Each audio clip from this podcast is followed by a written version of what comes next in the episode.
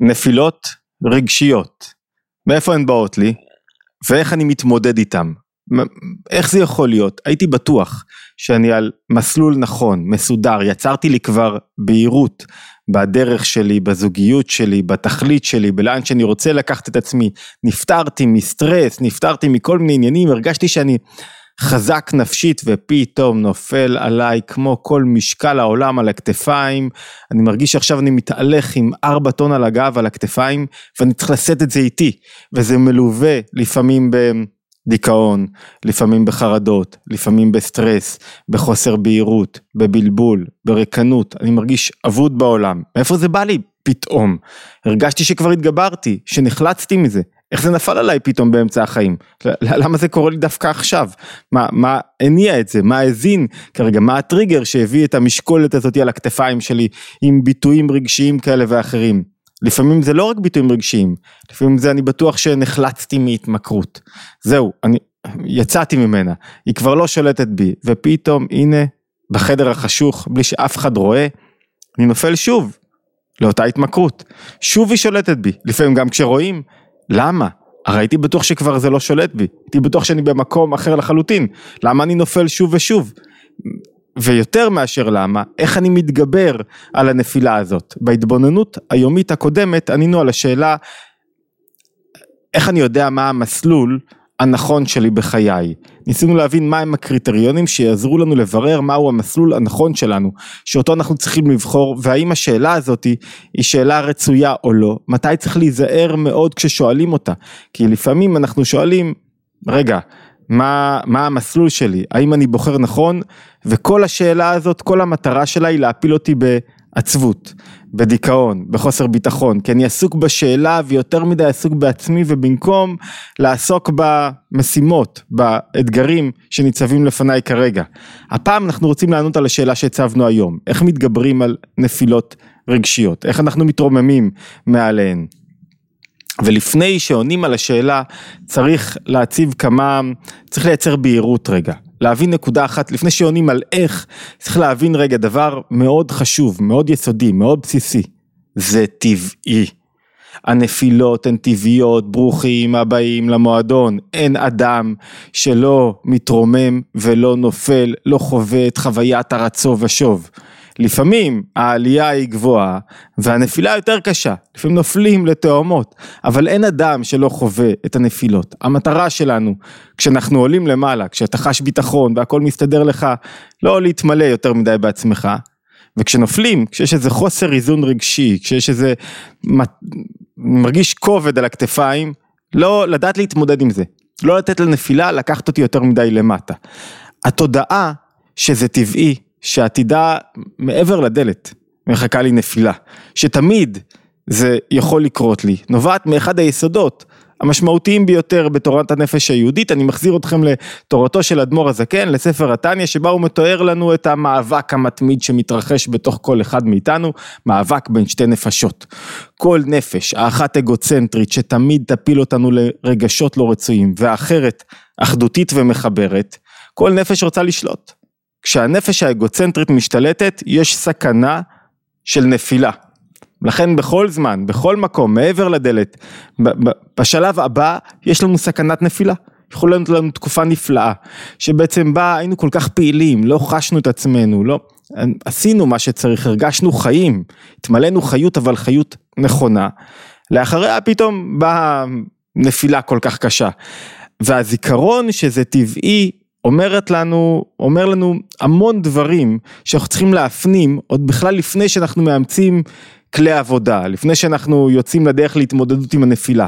זה, זה סוג של הבנה מקדימה שזה עומד לקרות, הנפילה תגיע, ההתמודדות שם מחכה לי מעבר לפינה. אומרת לנו כמה דברים. מהם הדברים שהם אומרים לנו? בואו רגע ניקח כמה לקחים אה, רוחניים, נפשיים, רגשיים, שיוכלו לעזור לנו להתמודד עם נפילות רגשיות לפני שאנחנו שוטחים כלים להתמודדות. זאת אומרת, מה אומר לי, מה אני יכול להסיק מכך שהנפילות הן טבעיות והן עומדות לפתחן, רובצות לפתחם של כל אדם? וכל אדם עשוי ליפול ממדרגתו במובן הרגשי, וכל אחד יכול ליפול לתוך איזה בור בראי המבנה האישיות שלו. נקודה ראשונה שחשוב לזכור, צריך להיות כל הזמן על המשמר, צריך להיות ערניים. זאת אומרת, אנחנו לא יכולים להפקיר את הנפש שלנו. לא יכול להיות אדם שכל היום יישב מול סרטים אלימויים, סרטים לא בריאים, כל היום יהיה בתוך חברה אה, שמדברת על מה יקרה ומכניסה כל מיני תסריטים אפוקליפטיים, רעים, שליליים, חרדתיים, ובסוף הוא ישאל את עצמו למה אני סובל מחרדות. צריך להיות על המשמר, לדעת מה אני מזין את עצמי, להיות ערני, להיות ערני לכך שהנפש יש בה מאבק מתמיד. וככל שאני יותר אבחר ואזין את עצמי בתזונה נכונה, ככל שאני יותר יבין מה קורה לי בנפש ויזין את עצמי בתזונה נכונה, יהיה לי יותר סיכויים להתגבר. זאת אומרת, לא יכול להיות שאנחנו כל היום נצפה בחדשות, שמכניסים לנו כל מיני פחדים כאלה ואחרים של וואו הנה אפוקליפסה מתרגשת עלינו, ואז אני אשאל למה אני בחרדה ולמה אני בפחד. צריך לדעת מה קורה בעולם, צריך לראות חדשות, אבל אי אפשר כל היום, 24/7, להיות מונח בזה. כשאתה מונח בזה כל היום, אל תצפה שבאים אליך כל מיני, באות אליך כל מיני מחשבות לא רצויות. קראתי בספר של ביבי, שהוא סיפר שם, אמ, שהוא סיפר שבסיירת מטכ"ל הם היו ישנים כשהידיים מחוץ לשמיכה, כדי שאם מישהו יגיע אפשר יהיה מהר לשלוף את הנשק ולהתגונן. הוא אמר שעד היום בגיל 73 הוא מתקשה לישון עם הידיים בתוך השמיכה, ככה מתחת לשמיכה. וזה מעניין, כי אחד הדברים המשמעותיים זה להיות מוכן וערני כל הזמן לקרב הפנימי. לדעת שהוא עשוי להתרחש, אין זרי דפנה. אין זרי דפנה לא במובן שאין לי מנוחת נפש, להפך, כדי להשיג מנוחת נפש, אני חייב להיות ערני. אני חייב לדעת שבכל רגע יכולה לבוא מחשבה לא רצויה, יכול לבוא איזה רגש לא רצוי, דיכאון, עצבות, חרדה, סטרס, יצר, אני, אני חייב להיות ערני. זה כמו שמי שמפסיק לעשן ועישן שנים ארוכות, אם הוא רק ייפול בסיגריה הראשונה, הוא ייפול, אין כזה דבר. הוא צריך להיות ערני, לא ליפול בסיגריה הראשונה, לא להתפתות. לרגע הזה שבו הסיגריה אומרת, אמ, אולי אחת.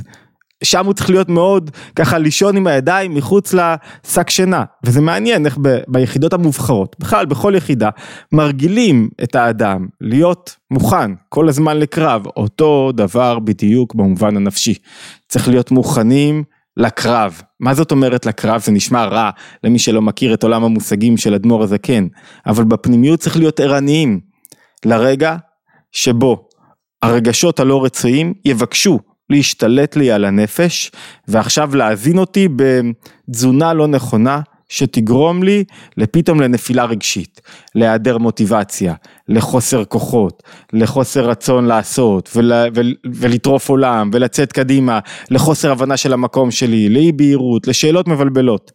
זו הנקודה הראשונה שאנחנו מפיקים מכך שהמאבק הוא טבעי, להיות מוכנים כל הזמן, לא לישון, לא לחשוב שמישהו פה חסין או מוגן, אין חסין ומוגן, לא מפני היצר, לא מפני הרגשות הלא רצויים, אין חסין ומוגן. תהיה ערני לסביבה שלך, למה שאתה רואה, למה שאתה עושה, למחשבות שנכנסות. הרבה יותר קל להתמודד ברפואה מונעת, מאשר כבר בתוך, כשזה עוטף אותי, כבר בתוך הנפילה. שתיים, לדעת שאני לא מזדהה עם הנפילות שלי. אני לא מזדהה, אני לא מגדיר את עצמי על פי הנפילה. אני לא מגדיר את עצמי כאדם בעל דיכאון, למרות שחוויתי דיכאון. אני לא מגדיר את עצמי כאדם שנופל ביצרים שלו, למרות שנפלתי ליצרים שלי. אני לא מגדיר את עצמי כאדם ש... ש... שהוא לחוץ, למרות שנפלתי ללחץ. אני לא נותן לנפילה להגדיר אותי. אני מגדיר את עצמי לפי מה שאני יכול וצריך ורוצה להיות. לפי המקומות הגבוהים. תחשבו, שימו, שימו בחור צעיר בתוך חברה שמגדירה את עצמה כלא מסוגלת, לא יכולה. הוא גם יחשוב שהוא לא יכול ולא מסוגל. שימו את אותו בחור בחברה ששואפת קדימה, למעלה, דוחפת קדימה. הוא גם ירצה יותר למעלה. אותו דבר בנפש. ככל שאנחנו מגדירים את עצמנו על פי המקומות הגבוהים בנפש, הסיכוי שלנו להתגבר הרבה יותר גדול. נקודה שלישית, לעולם, אבל לעולם לא, זו נקודה שדיברנו עליה המון פעמים ואי אפשר, לה, היא כל כך חשובה. לא להתייאש, לא להלקות את עצמי, לא להרים ידיים. אין דבר כזה ייאוש. ולמה? כי כל תכלית הבריאה שלי, כל מה שרוצים ממני זה את המאבק ברגע הזה. זה מה שרוצים ממני, זו נקודה סופר חשובה. רוצים ממני שאני אתאבק ברגע שלא רצוי, ידע לדחות אותו, וידע לעורר התרגשות וחיות ושמחה והתלהבות ותשוקה לדברים הנכונים בחיים שלי. אז עכשיו אתם מתייאשים? איזה, איזה אבילות זה להתייאש. לא יכול להיות. אתה, זה כמו לראות פוליטיקאי מתייאש. מה זאת אומרת? אתה לא יכול, או מנהיג מתייאש. מנהיג לא יכול להתייאש אף פעם. הוא צריך לשרטט חזון חיובי. זה התפקיד של כל אחד מאיתנו, לשרטט חזון חיובי. זאת אומרת לעולם לא להזדהות עם הרגש השלילי ולא להתייאש מהאפשרות לתקן ולצמוח ולהצליח ולא להלקוט את עצמי על הנפילות. נפלת? קרה, אוקיי, מה אני לומד מזה? איך אני מתפתח מזה? לא להלקוט את עצמי. נקודה נוספת, אמ, להשקיע, כמו שאני צריך לדעת שהקרב מחכה לי, להשקיע ביום יום, בזמנים שטוב לי, ואני מרגיש בהירות ברפואה מונעת. להאזין את עצמי, תכף נבין במה מדובר, להאזין את עצמי אמרנו בתזונה הנכונה. לעבוד כמו שבגוף עושים כושר, עושים ספורט, שומרים על הגוף, אותו דבר צריך לעשות כושר נפשי. תכף נמנה כמה, כמה דברים שהם כוללים בתוך סדר היום שלי. לא לוותר על התזונה של הנפש, שתביא לרפואה מונעת, מונעת נפילות רגשיות, ועוזרת לי להתמודד איתם כשהן מגיעות. לא לוותר על זה. עצם זה שאני יודע שזה טבעי, אני מחכה לזה, אני מכין את עצמי. אני יודע שהגוף שלי, אם אני לא אשמור עליו, הוא ייחלש, אני שומר עליו, אני שומר, אותו דבר על הנפש שלי. שתי נקודות אחרונות הן חשובות, אחת זה לזכור שבכל נפילה, בזמן הנפילה מקופל, טמון מעלה גדולה, שתקפיץ אותי למעלה. זאת אומרת, אחרי שאני אתגבר, וגם בתוך ההתגברות צריך לזכור שהנפילה מקפלת בתוכה עבורי הבטחה. ככל שאני יותר יורד למטה, אני מותח את הקפיץ, אני אצליח להגיע יותר למעלה, אני אלמד יותר על עצמי, על החיים, על האפשרויות שלי, על מי אני, על מה אני רוצה מעצמי, ולכן כבר בתוך החושך והחוסר בהירות, להבין שיש פה פוטנציאל. לא לבזבז את הפוטנציאל, להבין שיש פה פוטנציאל. נקודה שצריך לזכור אותה בירכתי התודעה, זאת אומרת המטרה שלה לזכור שזה טבעי, זה לחקוק לנו כמה נקודות שיכולות לעודד אותנו כשבא האתגר, כשבאה הנפילה, שיכולות לעזור לנו תודעתית, כדי להטמיע את הרעיונות שעליהם אנחנו מדברים מבחינה תודעתית. סליחה רגע. נקודה אחרונה, לפני שאנחנו עוברים לכלים שאנחנו רוצים לרכוש, כמה מן הכלים, זה לזכור שמגיע רגע מסוים בקרב הפנימי שלי, שנדרשת ממני, נדרש ממני אומץ, התעלות, וכאילו עכשיו צריך לקום, עכשיו צריך לקפוץ מעל הגדר. עכשיו צריך לברוח מכאן. זה כמו בסיפור של יוסף, כשהוא כמעט מתפתה לאשת פוטיפר, אז יש לו איזה רגע מסוים שבו הוא רואה את דמות דיוקנו של אביו, וברגע הזה הוא כאילו, הופ, עם, עם, עם ציפורניו חורט בקרקע ומצליח לחלץ את עצמו, לחלץ את עצמו מהסיטואציה. אותו דבר, צריך לזכור שאצל כל אחד מאיתנו יגיע רגע שנדרש אומץ, שנדרש הרגע שבה, שבו אני עומד באומץ מול ההתמכרות, שבו אני עומד באומץ מול הדיכאון, מול החרדה ואומר להם לא. צריך, תזכרו את הרגע הזה, יש רגע כזה, רגע הזה שהוא הוא כאילו שברירי לתפוס אותו, שבו או שאני נופל, או שהצלחתי ולא נפלתי, והתקדמתי קדימה. ואמרתי לעצמי, מה פתאום ליפול, מה זה ליפול, מה אתם נורמליים? על מה? על מה אני אכניס את עצמי לבלבלות עכשיו? על מה אני אכנס עכשיו לאווירה כזו? מה הסיכוי? אין סיכוי. הרגע הזה דורש התגברות נפש, תעצומות נפש אדירות. כל החיים נועדו עבור הרגע הזה. תזכרו, כל החיים נועדו עבור הרגע הזה שאני אומר לעצמי לא.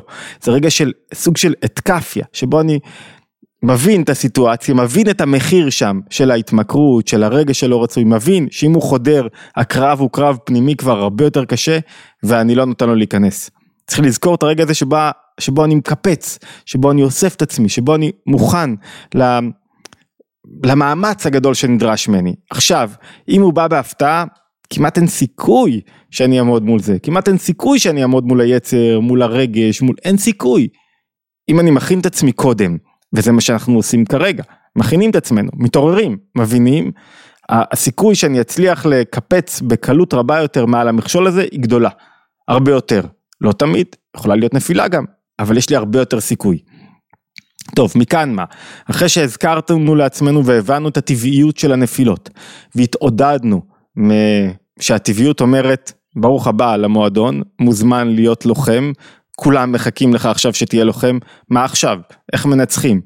כלי נשק קצת, בואו נאסוף כמה כלי נשק, לא את כולם, כמה, כדי שהפודקאסט הזה לא יהיה ארוך מדי, השיחה הזאת לא תהיה ארוכה מדי, בואו נתפוס כמה כלי נשק משמעותיים שאפשר להחדיר לתוך חיי היומיום, אני מחלק אותם לשתיים, שני סוגי כלי נשק, אחד לטווח קצר, כלי נשק לטווח קצר שנועדו לעזור לנו להתמודדות עם, כשאני כבר אפוף. בתוך הנפילה, כש, כשהיא כבר עוטפת אותי. כלי נשק כאלה דורשים ממני בעיקר רגע למצוא מרווח מחיה. מקום שבו אני יכול להרים את הראש מעל המים וקצת לנשום אוויר כדי להחזיר לעצמי את השליטה של השכל על הרגשות. הכלי נשק החשובים ביותר שנועדו עבור מי שמקשיב לנו עכשיו והם, והם מיועדים לעבודה לאורך זמן הם כלי נשק לטווח ארוך או למרחקים ארוכים שהם נועדו למנוע מלכתחילה את הנפילה, להפחית את העוצמה שלה כשהיא מתרחשת ולעזור לי להתגבר עליה. לא לתת לה להשתלט עליי.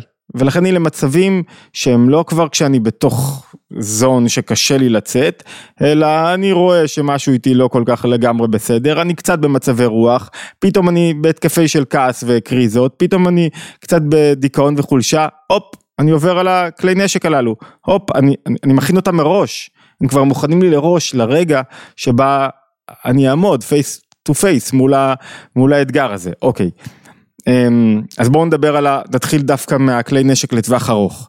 אחד, נקודה ראשונה, ללמוד על הנפש, להכיר אותה. ככל שמכירים יותר את הנפש, את הכוחות שלה, את המרכיבים, את דרכי התנועה שלה, את ההאזנה שלה, את הייחודיות של האישיות שלי, את הייחודיות של הנפש שלי, אני מבין מה קורה לי בפנים, אני לא מופתע. זה עולם אחר לחלוטין. כשאני עומד מול אתגר נפשי ואין לי מושג מה קורה לי, שום איזה פחד. או כשאני יודע בדיוק מה קורה לי ולמה קורה לי ומה היו הטריגרים ומה הזין לי את הרגש ומה טבעי אצלי ומה נרכש, אני מבין בדיוק מה קורה לי בנפש. נקודה ראשונה, ללמוד על אודות הנפש, להבין אותה יותר. ככל שמבינים אותה יותר, אני יודע יותר לפתח כלי נשק עצמאיים, אני יודע יותר לקראת מה אני עומד, אני לא מפוחד ולא מבוהל, בדיוק כמו בגוף, נכנס לי איזה שבב של עץ, שביב עץ כזה לתוך האצבע והתנפחה מאוד. והייתי מבוהל כמו איזה פוכונדר, מה קורה לי, אני עומד למות עוד שנייה. הגעתי למרפאה, תיק, הוציאה את כל המוגלה, לחיצה קלה, הכל יצא החוצה, נגמר לך שנייה. אם היית יודע מראש ש, שזה כזה דבר פשוט, לא היית אוכל את עצמך מכאלה פחדים וחרדות, נניח. אותו דבר בנפש, כשאני יודע שזה רק מש, נדרש ממני לפעמים שינוי קל בזווית הראייה. פתאום אני, ללמוד לאהוב, ללמוד להתעורר, פתאום נדרשת ממני עבודה לא טבעית. הרבה פעמים, הרבה פעמים אנחנו חושבים שהדברים צריכים להתגלגל בצורה טבעית, שום דבר טוב לא קורה בצורה טבעית. דווקא הדברים שעובדים עליהם, שמאבדים אותם, שמתקנים אותם, שמסדרים אותם, שמזכחים אותם, עובדים הרבה יותר טוב. תסלחו לי רק שנייה. תודה, מתנצל. ולכן ללמוד על הנפש, איפה, יש הרבה מסגרות, אני כמובן ממליץ, אני עברתי חוויה נהדרת עם הספר לפרוט את גבולות האישיות, יסודות תורת הנפש ביהדות, מה זאת אומרת עברתי חוויה? במשך שנתיים למדנו ביחד אה, על אודות מבנה הנפש והאישיות בזום עם מאות אה, חבר'ה שלמדו איתנו, ואני חושב שזה יצר אצלי הבנה מאוד מעמיקה, שינוי מעמיק, הספר מאוד סדור, מומלץ מאוד.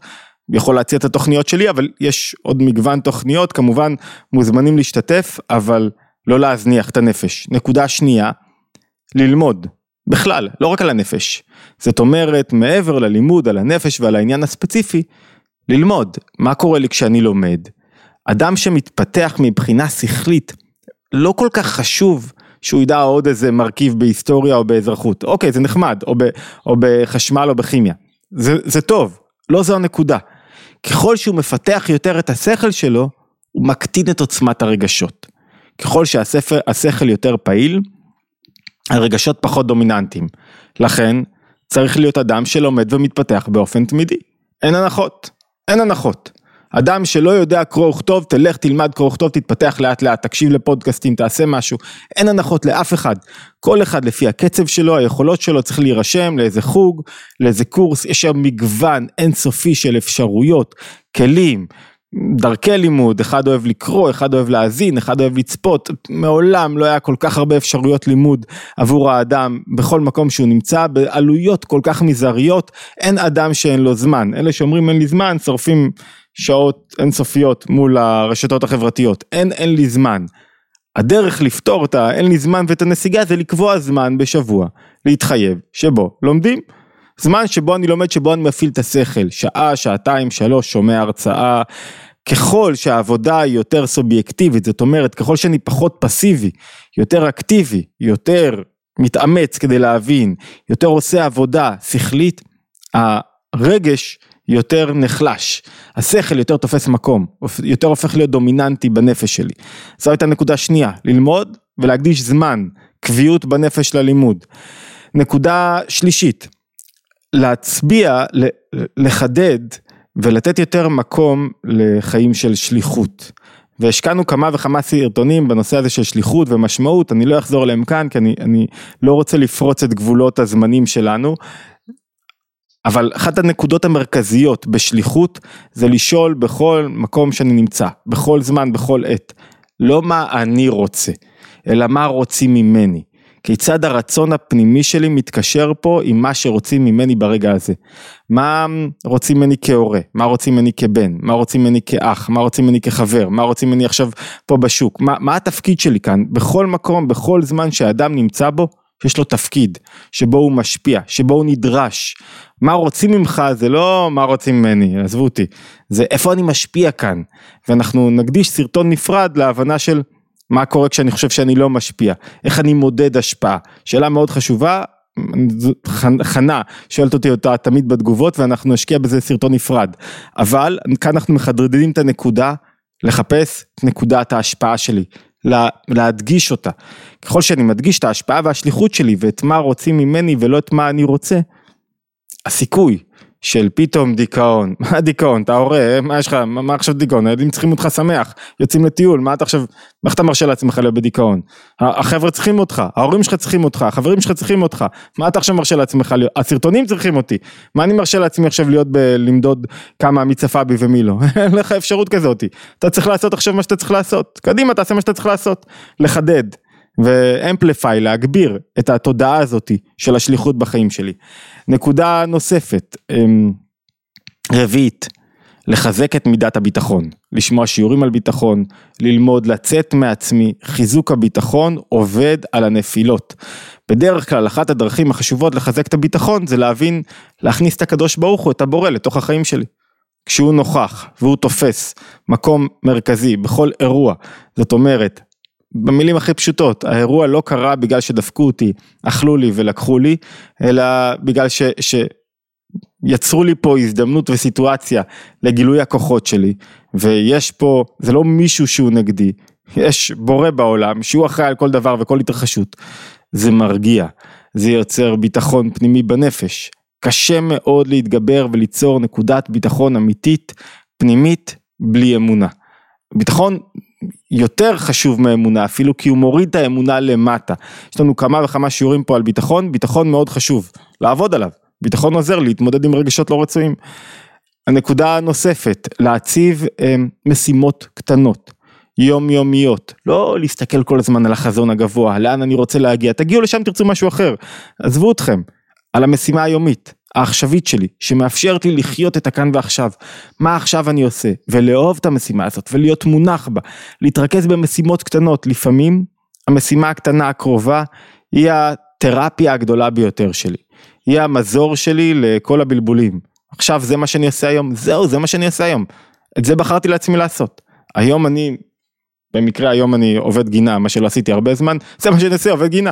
זה, בגלל זה הסרטון הימי מתאחר, זה מה שאני עושה, עובד גינה. להתמסר למשימה הקטנה, לראות אותה ולהכיר בערך שלה.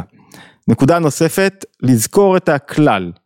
כלל יסודי, ככל שאני יותר עסוק בעצמי, הרגש הלא רצוי יגבר. הוא יקבל יותר מזון שלילי. ככל שאני פחות עסוק בעצמי, הוא יקטן. עכשיו תעשו עם זה את כל סוגי העבודה והכלים והטכניקות שאתם יכולים לדמיין. אתה מדבר עם מישהו, ככל שיותר מדבר על עצמך, הרגש שלך יגדל, הלא רצוי. מה אמרתי, לא אמרתי, כאן דיברתי, מה איתי. ככל שאתה יותר שואל, מתעניין בו, אתה מחליש את עוצמת הרגש הלא רצוי, באמת מתעניין במשהו אחר. זה בא לידי ביטוי באין ספור מפגשים, תחומי חיים. האתגר הגדול הוא לצאת מעצמי. קדימה, תשרטטו. סדרה של טכניקות. מישהו שואל אותך, מה שלומך? מה שלומך? מה שלומך? אתה ישר מתעניין באיזה משהו חיצוני לך. ככל שאנחנו יותר יוצאים מעצמנו, הרגשות יותר מכוונים אותנו החוצה, פחות מפילים אותנו בפח יקוש הזה, בפח של, של להיות עסוק בעצמי. שתי נקודות סופר חשובות, שדורשות אריכות, אבל אני אגיד אותן בקצרה ו, ויפנה אותנו למקורות. אחת זה להתאמן על שליטה במחשבות. יש לנו אני חושב כבר עשרות שיעורים על עבודה על המחשבות, להתאמן על שליטה על המחשבות. זאת אומרת לסדר את המחשבות שלי כך שהמחשבה לא בורחת בלי שליטה, כדי שלא יהיה רגש שבא לידי ביטוי בלי שאני בחרתי אותו. חובה להיות מסוגל להכווין על מה אני חושב ועל מה אני לא חושב, להבין מהו ערעור שפתאום קופץ לי ואני צריך לדחות אותו, להבין מתי המחשבות שולטות בי ומתי אני שולט בהם, להבין מה הם מחשבות, זה מתקשר לנקודה הראשונה, ללמוד על אודות הנפש. והנקודה השנייה שרציתי להוסיף זה גם לתרגל התבוננות, התבוננות זה ללמוד רגע לצאת מעצמי, להבין רגע את העולם באופן אחר, להבין את הבריאה באופן אחר, להבין איך הדברים קשורים אליי, לחיים שלי. תרגול התבוננות, אחד הכלים המשמעותיים ביותר של החלשת הרגש הלא רצוי. מה עשינו עד עכשיו? הצבענו במהירות ובזריזות על כמה כלים, טכניקות, שהם מיועדים למי שכבר קצת יותר מונח בעניינים, מבין על מה אנחנו מדברים איתו, שמע כמה וכמה שיעורים, קרא קצת, יודע על מה מדובר, כמה כלים וטכניקות שעוזרים לי להימנע בטווח ארוך מנפילות רגשיות, שעוזרים לי רגע להיות מסוגל לבנות את החיים שלי כך, את הסדר יום שלי כך, שיש לי בו פינות, זמנים קבועים, שבהם אני עובד על עצמי, שומר על כושר נפשי. ואז כשיגיע האתגר אני אדע להתמודד איתו, אני לא אגיד וואו למה זה קרה לי. בטווח הקצר, אני מזכיר לכם, בטווח הקצר, אחת המיומנויות החשובות לרכישה, זה להיות מסוגל להיחלץ מהמקום שבו המחשבות עוטפות אותי, שבו הרגש כבר שולט עליי בדומיננטיות. צריך להיות מסוגל להסיח את הדעת, וכרגע להניח את עצמי במקום אחר. אני חושב, כשאני מסתכל על השעון, שזה שווה... התבוננות ייחודית, סרטון ייחודי שיעסוק בכלים שלנו בטווח קצר. אז מה היה לנו עד עכשיו, מה המטרה של הסרטון הזה? אם אני מסכם? המטרה היא להבין שכשבאה הנפילה, אוקיי, ברוכה הבאה, היינו מוכנים, את לא תפילי אותי לדיכאון, אני, אני עכשיו מבין לאן את רוצה לקחת אותי, אני מבין את המחשבות, את הבלבולים, את המי אני, את האובדן זהות, לאן הם רוצים לקחת אותי, אני מוכן, הכנתי את הנפש שלי, קדימה, בואו לקרב, בואו נתגבר. טוב, לא הצלחתי, היה לי יומיים קשים, עכשיו אני אצליח ביום השלישי. זאת אומרת, המטרה של הלימוד הזה, הוא להיות מסוגלים להבין שבאנו לעולם בשביל ההתמודדות. בואו נתמודד. אבל, אבל חייבים להפשיל שרוולים, חייבים להיות מסוגלים רגע להתמודד עם זה, לא עכשיו להזניח ולהגיד טוב אני לא מצליח, אני יאללה שיכבוש אותי עכשיו החרדה, תכבוש אותי החרדה, יכבוש אותי הדיכאון, לא, לא מעניין אותי, לא בדיוק הפוך, צריך לעשות מה שצריך לעשות, להיות בסיירת מטכ"ל של עבודת הנפש. וכשעושים וכשעובדים על פי הנקודות הללו, ו- ועוד נקודות, ומבינים מה קורה בנפש, ומתרגלים, ועוברים תהליך עם עצמי, זה נראה אחרת לגמרי. זה כמו מלחמות לא פוסקות, אלא שאנחנו הופכים להיות לוחמים מיומנים. הטריגר לסרטון הזה היה שאלה שמישהו שאל אותי לגבי איך, איך אני מתמודד עם הנפילות ואיך אני מגביר את התודעה, אז אני מקווה שבמקום להקליט לו ישירות, הקלטנו כבר לתוך הערוץ וזה ישרת עוד חבר'ה. בכלל, כמו שאמרנו, יש הרבה שאלות שחוזרות על עצמם, כמו איך אני אדע מה המסלול המתאים לי ביותר. לכן אנחנו מנסים לענות עליהם בצורה כללית, למרות שכשמישהו פונה הוא רוצה לשמוע את הדברים בדיוק באוזניים שלו שיתאימו ככפה ליד העניין שלו. אבל התשובה היא אותה תשובה של עבודה לכולם, כל אחד בראי ההתמודדות שלו, בסופו של דבר מגוון הכלים שיש לו הם ייחודיים לא בתצורה שלו אבל הם דומים באופן שבו הוא צריך להשתמש בהם ולהיות ערני לעבודה שנדרשת ממנו. מזכיר לכולם התבוננות יומית מוזמנים מאוד להירשם לערוץ שלנו ערוץ התבוננות לשתף ולייק אה, וכמובן אה, אפשר להירשם לקבוצות הוואטסאפ כדי לקבל עדכונים על קורסים חדשים סדנאות ההתבוננות היומית וכולי להשתמע בהתבוננות היומית הבאה.